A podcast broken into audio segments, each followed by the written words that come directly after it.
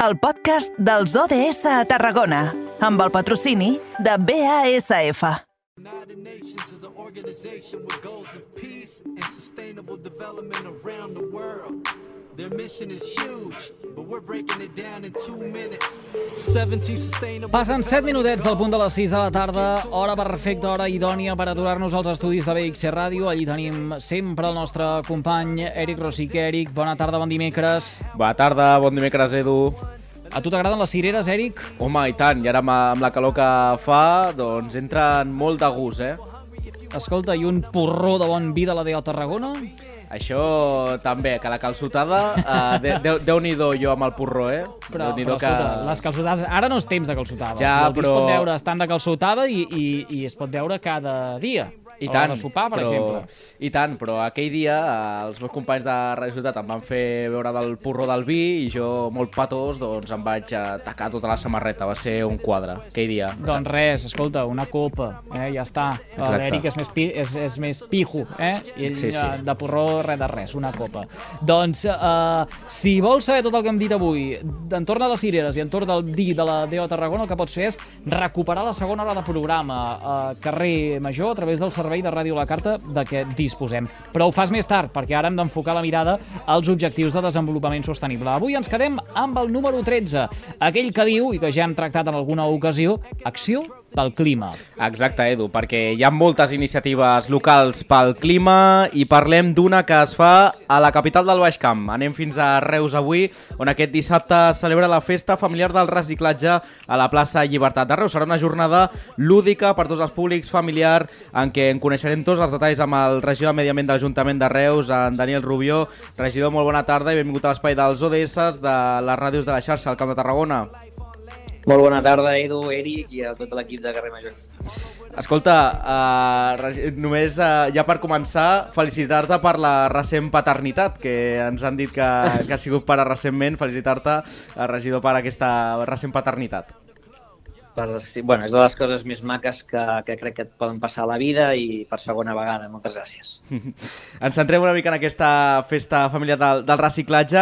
En primer lloc, com vau decidir uh, celebrar durant tot el dia aquesta, aquesta festa que celebrarà la plaça Llibertat de, de Reus, on ja ha preparat moltíssims esdeveniments per tots els familiars i per tots els públics?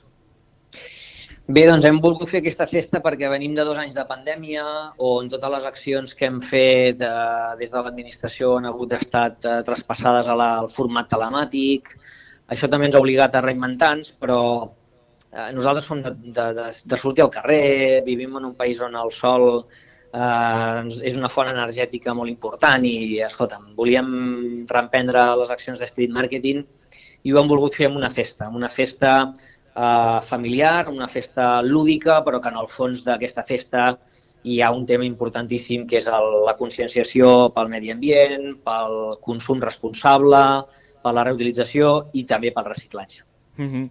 Serà llarg tot el dia a la plaça Llibertat on s'instal·laran, perdó, eh, inflables, eh, de tot, activitats lúdiques perquè els, sobretot els infants també es conscienciïn molt que, que, que és molt important eh, poder-los conscienciar amb aquestes accions en el que hi seran partíceps, oi? Doncs sí, tindrem des de dos quarts d'onze fins a la una del migdia i de 4 a 8 de la tarda vespre eh, tindrem la plaça Llibertat plena d'activitats. Com ja has dit, tindrem un inflable, que és un pop del reciclatge, on cada tentacle té un color i on els nens poden pujar. Hi ha diversos eh, jocs eh, per tal de poder, eh, d'una manera lúdica i pedagògica, doncs, intentar ajudar els més petits a que creeixin aquests hàbits de la recollida selectiva però tindrem d'altres, eh? tindrem la ruleta del reciclatge, que és uh, un joc de preguntes i respostes sobre el reciclatge i a partir d'aquestes preguntes i respostes també farà un sorteig durant el matí i durant la tarda de diversos uh, productes que han sigut reciclats, tindrem taller de sabors casolans, tindrem un taller de joc del reciclatge, tindrem una minidisco, tindrem màgia, tindrem espectacle i tindrem festa familiar. Mm -hmm. Déu-n'hi-do, i en el que l'objectiu, com molt bé expliques, és uh, conscienciar sobre el reciclatge, sobretot en la separació de residus, que potser és un dels apunts que més hem de fer èmfasi, perquè encara costa no? que, que comencem a reciclar bé i sobretot conscienciar els, els més petits. Costa, costa molt i de fet aquesta és una de les accions que s'emmarca dintre del Pla de Prevenció de Residus que l'Ajuntament de Reus va aprovar ja farà un any i escaig um, i que hem anat desplegant. A més a més ho complementem amb una carta informativa que ara ja fa doncs, aquesta setmana ha començat a rodar aprofitant el canvi dels contenidors de la nova contracta que hem tingut en el municipi Uh, doncs tenim una carta informativa que està passejant-se per tota la ciutat, amb educadors a peu de carrer, on repartim bosses, on repartim eh, contenidors petits per a la recollida de l'orgànica, on hem ficat a disposició de la gent i de la ciutadania doncs, eh, una cita prèvia perquè un educador pugui venir a casa de la, de la ciutadania de Reus per intentar veure, comprendre, entendre i compartir hàbits de consum, hàbits de cuina, quins són els espais que tenim en el domicili per poder muntar-nos doncs, els petits racons pel reciclatge i veure que si bé és cert que abans d'arribar al reciclatge hem de repensar si hem de comprar o no comprar i eh, veure també la reutilització d'alguns productes, doncs eh, una línia abans de plantejar-nos aquesta compra, ha arribat el moment, el reciclatge és el darrer dels punts. No? Per tant, entenem el reciclatge com aquella part fonamental en el producte quan ja no té una vida útil i que, per tant, l'hem de dipositar en el lloc corresponent per reduir l'impacte i la petjada que té l'ésser humà en qualsevol hàbitat. Senyor Rubió, i precisament era el uh, Dia uh, Internacional del uh, Reciclatge i en aquest programa vam mm. poder conversar amb uh, l'exalcalde de Riu de Canyes, el senyor Josep Maria Tos, que uh, precisament fins l'any passat uh, era el màxim responsable de l'Agència de Residus de Catalunya. I deia, uh, sí, uh, el, el reciclatge, uh, de mica en mica anem assolint aquests índexs que ens marquen uh, les Nacions Unides, aquests uh, índexs que ens marca Europa. Queda molt de camí encara per recórrer, eh, estem fent bona feina, però hem de dir, eh, explicava, que anem tard en comparació amb d'altres països europeus, però és molt important també, assenyalava, eh, fer èmfasi en l'economia circular. Sí, en la reutilització del, del producte, és que és bàsic. Per això deia que, que el reciclatge és l'últim dels passos. Jo crec que abans d'arribar al reciclatge és primer pensar si hem de comprar o no comprar. A vegades fem compres impulsives eh, de producte eh, que no són necessaris, quants aliments se'ns caduquen a vegades a la nevera o fruites que no hem utilitzat o verdures. Això a tothom ens passa, a mi també. Eh? I per tant, eh, començar a plantejar-nos també les, el punt de compra com un punt d'inici d'aquesta economia circular. Arribat a aquest punt, en els productes que poden tenir una segona vida, eh, com els aprofitem? I si no els aprofitem nosaltres, com els podem donar perquè altres també els puguin aprofitar abans de llançar-los. No? I, I en darrera instància, doncs el reciclatge que comentàvem. Jo crec que el reciclatge, mica en mica, eh, fa molts anys que ja estem parlant, però jo crec que ara la gent té una, un punt de conscienciació una mica molt més elevat.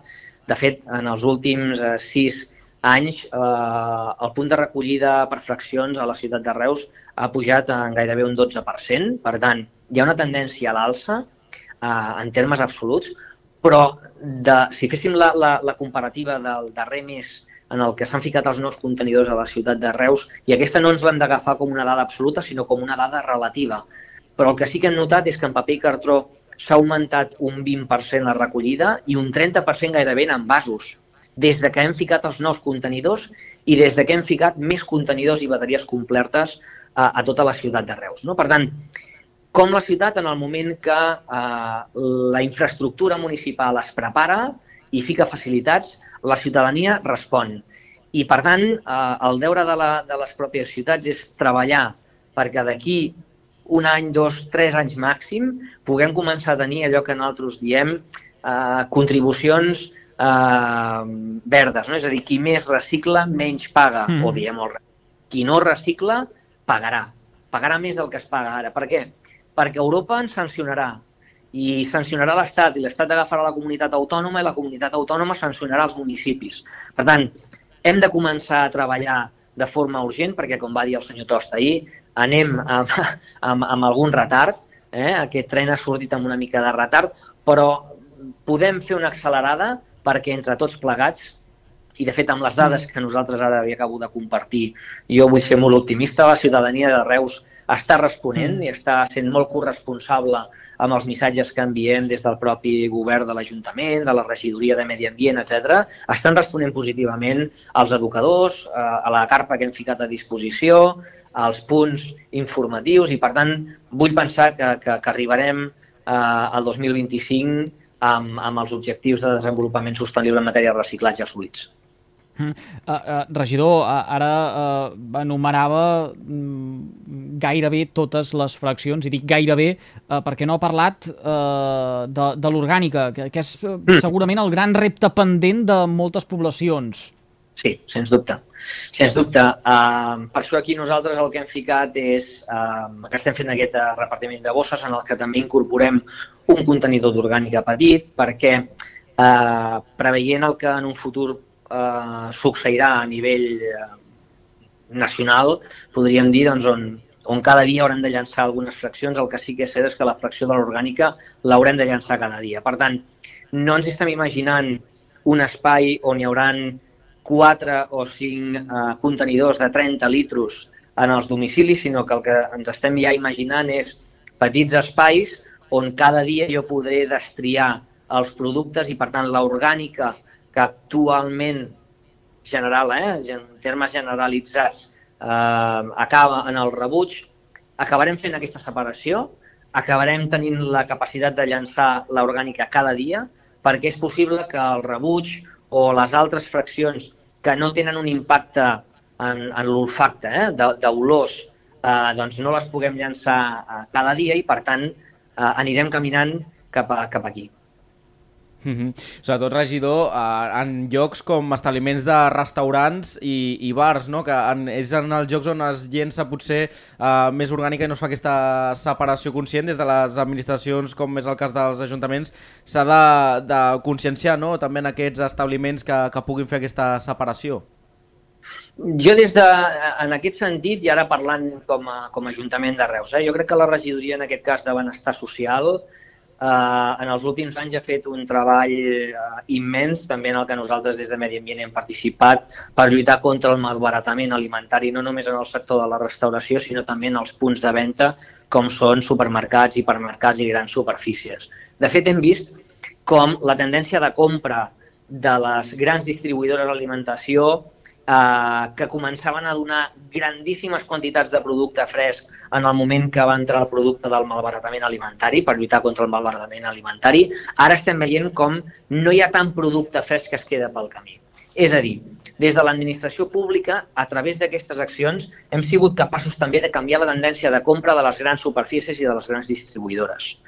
I això també és important, perquè si les grans distribuïdores, que són els grans productors de residus, són capaços de que redueixin el producte que fiquen a les seves estanteries, que fiquen a la venda eh, i que allà també acaba eh, amb un estat doncs, que ja no el poden després eh, vendre i això s'ha pogut reduir, aquesta és una primera gran notícia.